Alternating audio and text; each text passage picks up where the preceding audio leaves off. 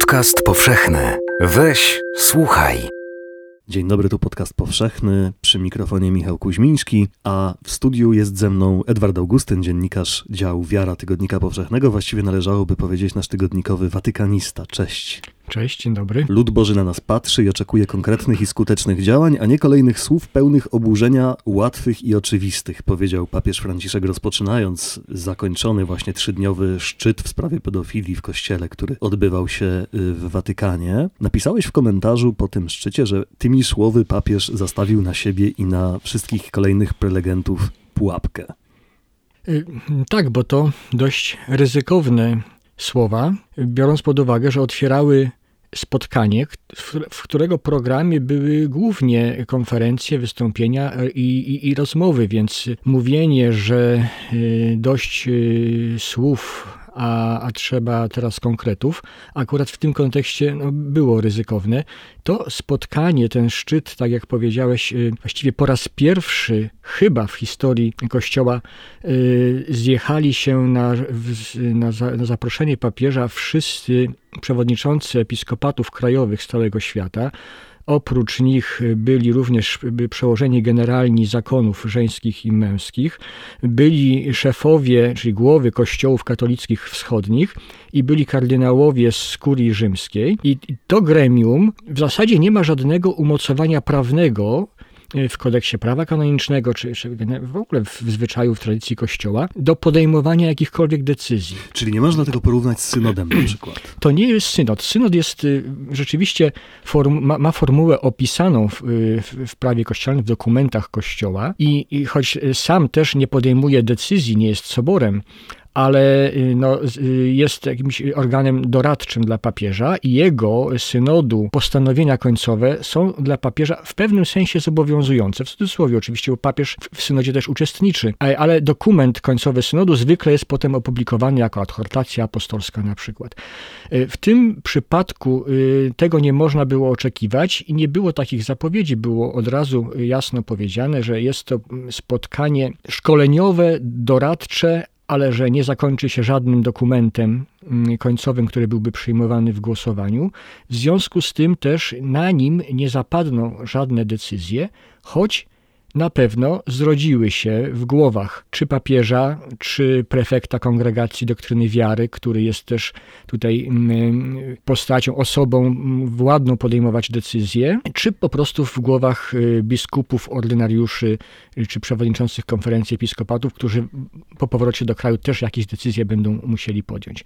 Więc w tym kontekście y, powiedzenie, że, że, że już nie pora na słowa, rzeczywiście było takim zastawieniem pułapki, bo potem potem wszyscy zaczęli rozliczać to spotkanie i papieża y, no, z tego, gdzie są te konkrety. Oczekiwania były ogromne, były oczekiwania na decyzje, były oczekiwania na radykalne zmiany, prawda? Tymczasem odbyło się coś w rodzaju rekolekcji? Tak, to były takie rekolekcje dla biskupów, y, może skrzyżowane z warsztatami, bo oprócz konferencji, które oni, y, których oni wysłuchali, i oprócz modlitwy i, i słuchania świadectw ofiar, były też spotkania w grupach, na których oni nawzajem dzielili się doświadczeniem ze swoich y, krajów, ze swoich y, diecezji, ale też niektóre prelekcje miały bardzo techniczny charakter, wręcz właśnie szkoleniowy. Tak jak powiedziałeś, te oczekiwania były rozdmuchane, no, rzeczywiście chyba niewspółmiernie do, do, do możliwości tego gremium. I też trzeba powiedzieć, że i opinia publiczna, troszkę podkręcana przez media i stowarzyszenia ofiar, czekali, czekali wszyscy na jakieś sensacyjne wydarzenie. Oczywiście, że papież Franciszek potrafi zaskoczyć jednak, y, no, chyba, jedna, chyba jednak nie, nie, nie należało się spodziewać, że tutaj zaskoczy czymś sensacyjnym, na przykład, nie wiem, odwołaniem któregoś biskupa, albo jakąś decyzją nagłą, nieprzewidzianą, albo że skrytykuje, nie wiem, Jana Pawła II, co też pewnie wiele osób oczekiwało, że coś takiego się wydarzy, że będzie jakieś rozliczenie z, z historią. To nie tylko się nie stało, Wręcz przeciwnie, no Jan Paweł II był wielokrotnie przywoływany, jego słowa były przywoływane jako, jako przykład pierwszych reakcji na, na, na, na zjawisko pedofilii w kościele. No właśnie, a tymczasem aktywiści organizacji zrzeszających ofiary molestowania byli, jak to napisał Guardian, Guardian użył wręcz słowa wściekli. Papież nie tylko, co mu zarzucono, nie zadeklarował zasady zero tolerancji, natomiast y, co gorsza chyba, zdawał się wręcz relatywizować y, kwestię molestowania w kościele, mówiąc obszernie o tym molestowaniu w rodzinie, w szkole, o tym, że jest to generalny problem, powołał, przywołał nawet coś takiego jak y, składanie dzieci na ofiarę przez pogan. No i to chyba poczytano mu za próbę dokonania tego, co się skądinąd w kościele często stosuje, czyli takiego użycia tego szerszego kontekstu jako rodzaju usprawiedliwienia dla kościoła. No tak, ale to nie tylko kościół, no bo przecież molestowanie dzieci odbywa się wszędzie. Czy to jest jakieś niezrozumienie papieża, czy też rzeczywiście doszło tutaj do jakiejś, nazwijmy to eufemistycznej niezręczności? Ja myślę, że wiele osób miało prawo tak to odebrać, miało prawo być rozczarowanym, bo ten proces zmierzenia się Kościoła z pedofilią trwa rzeczywiście bardzo długo. Pierwsze mm, doniesienia medialne o, o, o zjawisku pedofilii w Kościele to, to, to, to były z Kanady, to, by, to była końcówka lat 80., 89 rok. Czyli tak naprawdę mamy teraz 30, 30 lat minęło, a już nawet pomijając tamte wydarzenia historyczne, to pierwsze re- reakcje zdecydowane już na, na, na poziomie takim centralnym, czyli na, y, y, reakcje Watykanu, to był rok 2001-2002. Powiedzmy, że nawet w 2011, kiedy, kiedy Watykan zażądał wytycznych od konferencji episkopatów, mamy rok 2018-19 i ciągle się o tych wytycznych mówiło. Minęło 9 lat, a te wytyczne do mm, walki z pedofilią jeszcze przez niektóre episkopaty nie, nie zostały opracowane. Więc z jednej strony można zrozumieć takie poczucie rozczarowania. Natomiast papież Franciszek ma to do siebie, że trzeba wysłuchać w całości jego y, przemówienie, jego wypowiedź i chcieć zrozumieć, zrozumieć jego intencje. To naprawdę jest możliwe wtedy, kiedy się wysłucha od początku do końca. Y, Wyrwane z kontekstu y, zdanie czy akapit no, może powodować różnego rodzaju nieporozumienia. Papież przywołał ten kontekst bardzo szeroki, mówiąc, że większość przestępstw pedofilii dokonuje się mm, jednak w rodzinach, jednak w instytucjach społecznych. Jest cały przemysł em, pornograficzny, który wykorzystuje dzieci i osoby niepełnoletnie. Jest seksturystyka, więc tych przestępstw wobec dzieci, wykorzystywania dzieci jest, jest bardzo dużo. I tutaj procentowo czy statystycznie Kościół to jest jakaś tam cząstka, ale od razu powiedział, że to w niczym nie umniejsza winy Kościoła, wręcz e, u, użył określenia monstrualnej winy ludzi Kościoła i że nie jest to absolutnie żadnym usprawiedliwieniem i że choćby jeden tylko duchowny skrzywdził dziecko, to i tak należałoby wytoczyć wszelkie możliwe środki na wszelkich poziomach, żeby z tym przestępstwem walczyć. Więc mm, nie miałbym o te słowa e, pretensji do papieża Franciszka. Powiedział je na końcu w kontekście mszy świętej, która była na zakończenie.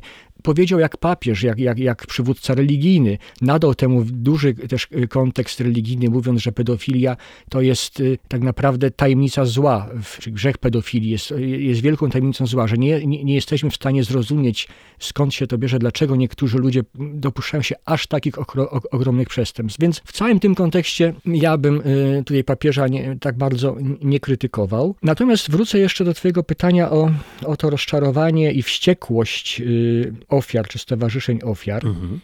To, to, są- to też są bardzo różne osoby. Trudno powiedzieć, żeby te czy inne stowarzyszenia były reprezentatywne dla, dla, dla wszystkich ofiar. Można niestety tak powiedzieć, że niektórzy sobie uzurpują też prawo występowania w imieniu wszystkich ofiar. Oczywiście ich doświadczenie jest, jest straszne, bolesne i, i należy ich ból uszanować, co nie znaczy, że ze wszystkim trzeba się z nimi zgodzić y, rozumiejąc ich, y, ich problem i ich ból, no czasem można powiedzieć, no, tak jak w przypadku każdego przestępstwa, każdy poszkodowany ma bardzo subiektywne, jest zraniony, ma bardzo subiektywną ocenę procesu sprawiedliwości, jaki się potem dokonuje lub nie dokonuje. Kary, jaka jest wymierzona przestępcy lub, lub, lub y, nie jest wymierzona. I, I ma do tego prawo. Co nie znaczy, że wszyscy y, rzeczywiście mamy się z tym zgodzić. No, były pretensje zgłaszane choćby, choćby przez byłych członków y, papieskiej komisji do spraw ochrony, y, papieskiej rady do spraw ochrony nieletnich, y, na przykład Mary Collins, która na Twitterze mm, mocno, na bieżąco krytykowała właściwie każde wystąpienie papieża, każdą, wszystko, co się wydarzyło na tym szczycie.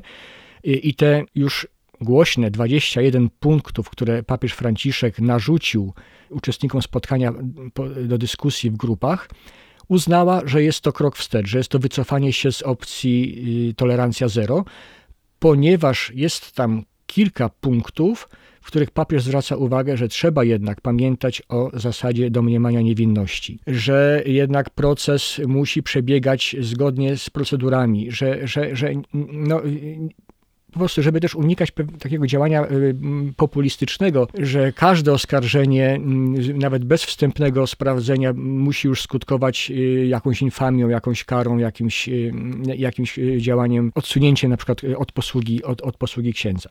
Mam wrażenie, że, że niektórzy byliby zadowoleni, gdyby po prostu Kościół katolicki jako organizacja się rozwiązał i wtedy być może spełniłoby to ich oczekiwania.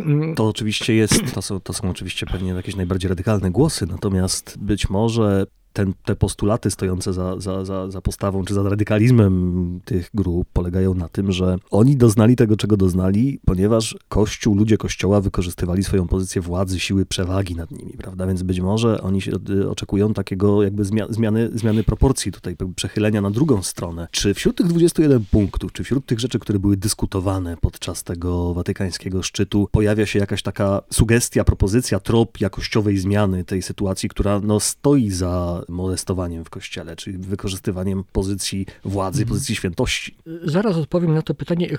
Chciałem jeszcze na momencik wrócić do, do tej mojej poprzedniej wypowiedzi, bo nie chciałbym pozostawić wrażenia, że tylko strona y, ofiar jest zradykalizowana mhm. i ich oczekiwania są zradykalizowane. Mhm. Ponieważ y, z drugiej strony też są bardzo mm, radykalne i przesad, przesadzone y, reakcje, mówiące o tym, że pedofilia to jest teraz taka moda w kościele, że tak, wow. na, że tak naprawdę y, to jest przesada, że to jest wymysł mediów, że to jest sztucznie nakręcane, że to jest po prostu objawa walki z kościołem, mówienie o pedofilii. I to się słyszy nie, nie tylko w Polsce. Ja będąc w Rzymie rozmawiałem czy z księżmi, czy z ludźmi w jakiś tam sposób zaangażowanymi w życie parafialne Włochami i to bardzo często to się pojawiało, ale po co o tym aż tyle mówić? Aha. Że to jest jakiś tam drobny, drobny margines. I tego typu bagatelizowanie sprawy, czy podejrzewanie, że to jest właśnie y, wytwór takiej mody, no i musimy jakoś przetrwać, te mody. różne były mody w kościele, teraz, teraz jest moda na pedofilię, to jest też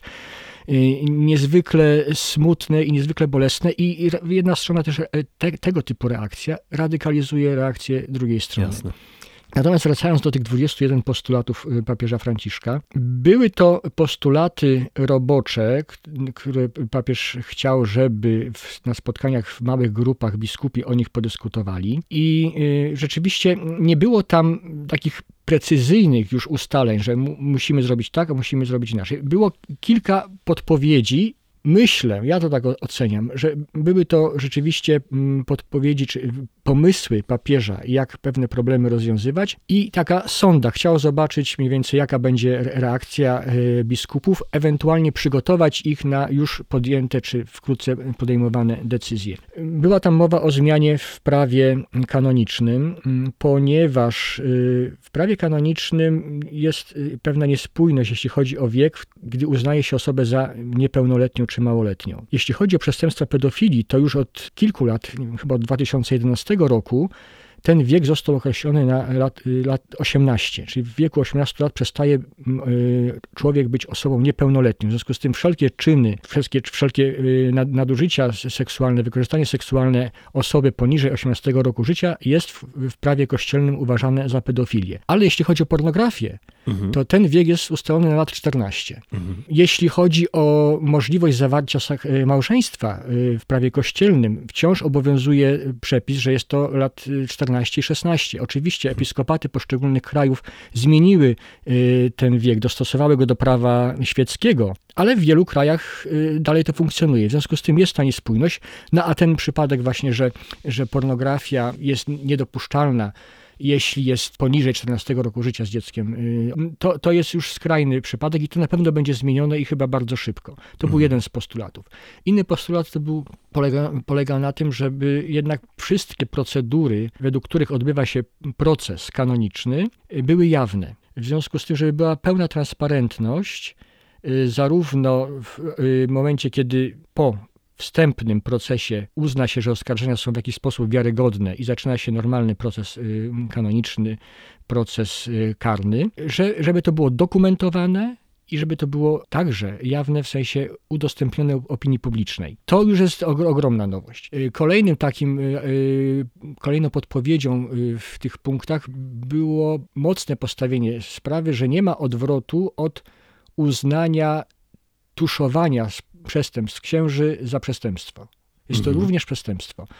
E, A to był olbrzymi, przypomnijmy, i zasadny, też w jakimś sensie fundamentalny problem Kościoła. Przenoszenie księży z parafii do parafii, tuszowanie, y, ukrywanie, zamiatanie pod dywan. Tak, i większość postulatów stowarzyszeń ofiar właśnie do tego się odnosi, żeby ukarać biskupów, którzy zatajali przestępstwa. To się wiąże raz z samym ukrywaniem prawdy, a dwa też y, no, z procesem, z czymś, co się w prawie nazywa y, mm, przedawnienie y, przestępstwa i te wiek przedawnienia, lata przedawnienia jest też bardzo dziwnie ustawiony, w zależności od tego, kiedy przestępstwo zostało popełnione, czy do roku 2001, czy między 2001 a 2011, czy po 2011, są różne okresy przedawnienia. Dla przestępstw popełnionych najdawniej, czyli przed rokiem 2001, to przedawnienie wynosi, o ile pamiętam, pięć, po pięciu latach się przedawnia przedawnia y, przestępstwo. W tej chwili jest y, przedawnienie po 20 latach od momentu osiągnięcia pełnoletności przez ofiarę, czyli tak naprawdę do 38 roku życia y, człowiek poszkodowany może złożyć, może oskarżyć duchownego przestępstwo. Więc to też się wiąże z, z niespójnością i z odczuwalną niesprawiedliwością pewnych przepisów prawa kanonicznego. Nie mam teraz przed sobą tych 21 postulatów. Na pewno, tak jak wcześniej mówiłem, było tam kilka podkreślających wagę domniemania niewinności, czyli jak gdyby uznających, że nie wszystkie oskarżenia y, są wiarygodne, są, y, mają podstawę i że ten proces wstępny jest bardzo potrzebny i że nie zawsze oczekiwania opinii publicznej muszą być w tym procesie potwierdzone. Przed watykańskim szczytem ukazał się w Tygodniku Powszechnym twój wywiad z arcybiskupem Charlesem Cicluną, bardzo ważną postacią w Kongregacji Nauki Wiary, człowiekiem, który zajmował się y, jednymi z najgłośniejszych spraw dotyczących pedofilii w kościele. Padło tam pytanie, czy mamy do czynienia z sytuacją przestępstwa popełnianego przez pojedynczych ludzi, przez jednostki w kościele, czy mamy do czynienia z problemem, który jest systemowy, który jest instytucjonalny w kościele? Tak, to jest bardzo dobre pytanie i bardzo trudno na nie odpowiedzieć. Czy system umożliwia, ułatwia działanie takich ludzi? Czy system jakoś temu sprzyja? Wszystko wskazuje na to, że tak. Mhm. Wszystko wskazuje na to, że tak, y, że przez lata sprzyjał ukrywaniu, na pewno sprzyjał ukrywaniu tych przestępstw.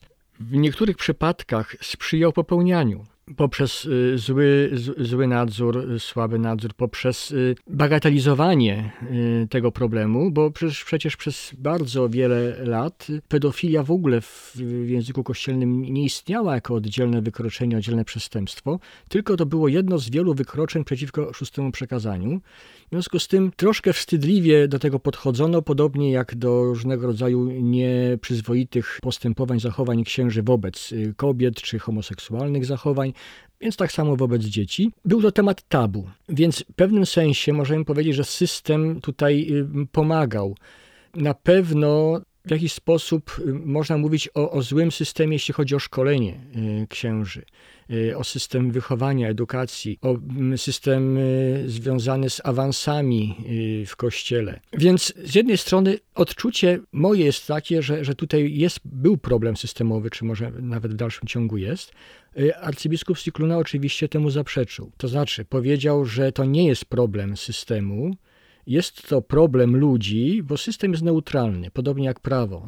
Uznał, że prawo jest może być wykorzystywane w złym i w dobrym celu, podobnie system może być wykorzystywany w dobrym lub złym celu. Przyjął taką zasadę tantum quantum, czyli o tyle trzeba z tego systemu korzystać, o ile nas przybliża do realizacji mhm. Ewangelii. Jeśli system przeszkadza, to należy go zmienić, zmodyfikować, zre, zreformować, co się, jak widać, od jakiegoś czasu w Kościele dokonuje. No, gdyby wszyscy przedstawiciele Kościoła byli tacy, jak arcybiskup Sikluna, czy mm, kardynał Kupiś z, z Chicago, czy ojciec Solner, wymieniam tylko tych, y, te osoby, które były w komitecie organizacyjnym tego, tego spotkania, ich rozumienie problemu, ich odwaga w podejmowaniu pewnych decyzji, czy chęć podejmowania drastycznych nawet decyzji, gdyby wszyscy byli tacy, to rzeczywiście ten problem by się dało bardzo łatwo rozwiązać. Natomiast to trudno oczekiwać, żeby byli tacy wszyscy biskupi.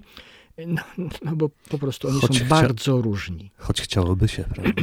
Chciałoby się, ale tak naprawdę no, wystarczy trochę obracać się w kręgu kościelnym, żeby po prostu zobaczyć, że jest wielu fantastycznych biskupów, podobnie jak wielu fantastycznych księży. Ale zawsze będą tacy, którym się albo nie chce, albo nie zrozumieją problemu, albo go zbagatelizują, albo uważają, że tak naprawdę oni zawsze mają rację i, i każda forma krytyki jest y, formą ataku, ataku na, nie tylko na nich, ale na Kościół, na, na największe wartości. I, i to, to jest przykre. Ja mam nadzieję, że po tym spotkaniu to się odrobinę zmieni. Może jestem naiwny, ale widziałem, jak reagowali ci biskupi na bardzo ostre słowa do nich kierowane. Być może po raz pierwszy w życiu ktoś im powiedział tego typu rzeczy prosto w twarz. To musiało zaboleć i to pewnie zostawiło jakiś, jakiś ślad. Były osoby dzielące się swoimi świadectwami, była też dziennikarka zajmująca się od lat y, tymi problemami y, w kościele, która pytała biskupów wprost, czy naprawdę chcecie zmian, czy tylko tak mówicie? Tak, to była meksykańska dziennikarka, watykanistka Valentina Alazraki. Ona od 45 lat pracuje w Watykanie, relacjonowała mm, ponad 150 papieskich pielgrzymek. Zaczęła w 76 roku, czyli jeszcze za papieża Pawła VI, e, więc ma ogromne doświadczenie. I to ona tak naprawdę y, powiedziała te najmocniejsze słowa do, do, do biskupów. Powiedziała, my, nie tylko dziennikarze, ale my, ludzie świeccy, my, rodzice dzieci, my matki, bo ona zaczęła swoją wypowiedź od tego, że jest matką i będzie mówiła przede wszystkim jako matka. I mówi, my wiemy, po której stronie stanąć. Czy wy jesteście w stanie stanąć po tej samej stronie? Czy tylko tak mówicie? Czy wy tak naprawdę nie chcecie, nienawidzicie tych przestępstw? Czy wy chcecie karać tych przestępców i chcecie, żeby prawda była ujawniona? Te słowa rzeczywiście y, wstrząsnęły biskupami. Raz, że ktoś im powiedział to wprost. Dwa, że powiedziała to osoba świecka, a trzy, że powiedziała to kobieta. Do tego też nie są przyzwyczajeni. My może nam sobie to trudno tak na co dzień wyobrażać, ale są to ludzie, którzy żyją w męskim świecie od lat 20, 30, 40, więc y, ich mentalność, myślenie, sposób y, rozumowania, sposób odczuwania jest właśnie taki. Oni sami to mówili. Czy kardynał Gracia z Indii powiedział, że bardzo dziękował za te głosy kobiece, bo on mówi, że po raz pierwszy się spotkał z takim kobiecym widzeniem.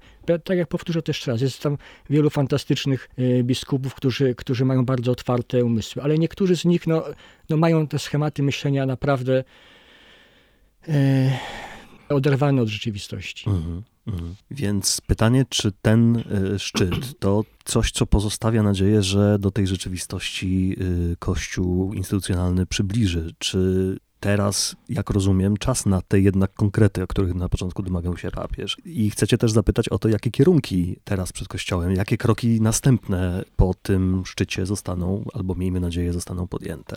Ja może bym zaczął to podsumowanie od tego, od pewnego rozróżnienia, że pedofilia jest przestępstwem karnym. W związku z tym nie należy oczekiwać od Kościoła, że będzie prowadził zamiast państwa, zamiast policji, zamiast prokuratury proces karny i będzie y, karał w ten sposób księży.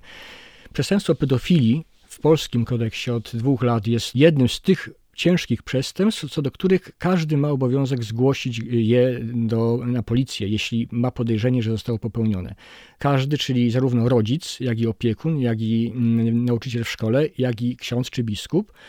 W związku z tym, jeśli dochodzi, mamy podejrzenie, że, że doszło do mm, pedofilii, że ksiądz wykorzystuje dziecko, to nie biegniemy z tym do proboszcza czy do biskupa, tylko idziemy na policję. Mhm. I wtedy zaczyna się proces karny. To jest jedna sprawa. Natomiast jeśli to przestępstwo popełnił człowiek kościoła, duchowny, czyli diakon, kapłan, wyżej biskup czy kardynał, to oprócz procesu karnego, który prowadzi władza państwowa, musi się odbyć proces kanoniczny, który ma po prostu tak naprawdę stwier- zadanie stwierdzić, czy ta wina była i może ukarać tymi karami, którymi dysponuje. W związku z tym bardzo często jest takie nieporozumienie, bo ludzie mówią, a cóż to za kara, że ten y, pedofil został y, wydalony z kapłaństwa. Mhm. No, oczywiście, że to nie jest żadna kara Ani ty, ani ja nie jesteśmy osobami duchownymi i nie za karę. Broń Boże. W związku z tym przywrócenie do stanu świeckiego nie jest żadną karą. Jest tak naprawdę prewencją, czy wydaleniem po to, żeby ta osoba nie szkodziła. W tym kontekście jest, jest to kara. A jest to kara kościelna tak naprawdę. Ten człowiek powinien zostać, zostać ukarany y, taką karą adekwatną, jaką przewiduje kodeks karny, czyli więzieniem na przykład. W związku z tym trudno oczekiwać od Kościoła, żeby, y, nie wiem, zakuwał w kajdany y, księży pedofilów. Natomiast proces kanoniczny, to jest jedna sprawa, który, tak jak mówiłem, y, i to było na szczycie bardzo jasno powiedziane, musi być bardzo przejrzysty i bardzo transparentny i, i, i bardzo szybko też prowadzony. Druga rzecz, zatajanie, czyli y, ukrywanie y, przestępstwa zostało uznane, powiedziano to wprost, jest również przestępstwem kanonicznym nie tylko przestępstwem karnym, bo oczywiście jeśli ksiądz czy biskup nie zgłosi podejrzenia o przestępstwo na policję, to może zostać, zostać ukarany do, nawet karą do trzech lat więzienia. Natomiast jest to też proces, y, jest to też y, przestępstwo, czyli wykroczenie przeciwko prawu kościelnemu. To jest, to jest druga rzecz. I trzecia rzecz, y, prewencja. Tak naprawdę na szczycie bardzo mało zajmowano się przypadkami historycznymi, czyli tym, co, co bardzo często w prasie się też o, o tym mówi, czym przypadkiem Marcela de Golady, czy, czy przypadkiem Karadimy, czy Makkarika nawet, czy wiel, różnymi innymi z, z przeszłości, Mm, bo tak naprawdę to, to jest zupełnie inna rzecz. Szczyt chciał zmienić na tyle przepisy i zmienić instytucje, żeby w, w kościele ludzie, dzieci i ich rodzice czuli się bezpieczni. Czyli co zrobić, żeby tego typu przestępstwa się nie pojawiały. Naiwne byłoby oczekiwanie, że po takim szczycie, czy po powrocie biskupów do kraju, pedofilia zniknie z kościoła, że nie będzie tego typu przestępstw. To, to, to, to tak się nie da ale chodzi o to, żeby ci ludzie czuli za sobą oddech wymiaru sprawiedliwości kościelnej, żeby wiedzieli, że ten biskup, jak tylko usłyszy cokolwiek, że, że jest takie podejrzenie, że, że ten ksiądz ma tego typu skłonności albo tego typu przestępstwa się dopuścił, żeby to było dla niego od razu jasne, że on nie, nie ucieknie, że on nie, nie umknie kary. Papież Franciszek bardzo na to stawia, bardzo tego chce. Arcybiskup Sikluna też o tym mówił, że tak naprawdę prewencja to jest jedna rzecz, najważniejsza, żeby instytucję zmienić tak, żeby była transparentna i bezpieczna. A druga rzecz to też, żeby wynagrodzić krzywdy wyrządzone tym ludziom, którzy zostali przez księży skrzywdzeni, czyli opieka nad ofiarami, opieka duszpasterska, psychologiczna, jeśli to potrzebne, to także finansowa, czyli wypłacenie odszkodowania, no, żeby naprawić zło, które już zostało przez tę instytucję czy przez ludzi tej instytucji wyrządzone. I tym procesom, i tym zmianom, i tym, jak one się w Kościele przyjmują, przyglądamy się i będziemy się przyglądać na łamach Tygodnika Powszechnego i na stronie internetowej tygodnikpowszechny.pl. Państwa i moim gościem w studiu podcastu powszechnego był dziennikarz działu Wiara Tygodnika Powszechnego Edward Augustyn. Dziękuję Ci bardzo. Dziękuję bardzo. Słuchajcie Państwo podcastu powszechnego. Do usłyszenia. Podcast powszechny. Weź, słuchaj.